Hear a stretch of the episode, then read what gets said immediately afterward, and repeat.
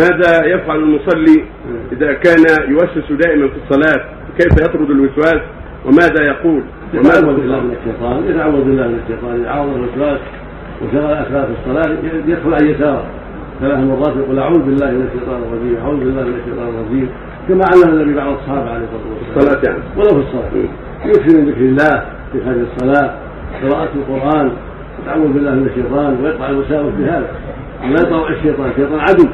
اللي بيطاوعه يهلكه حتى يجعله مجنون.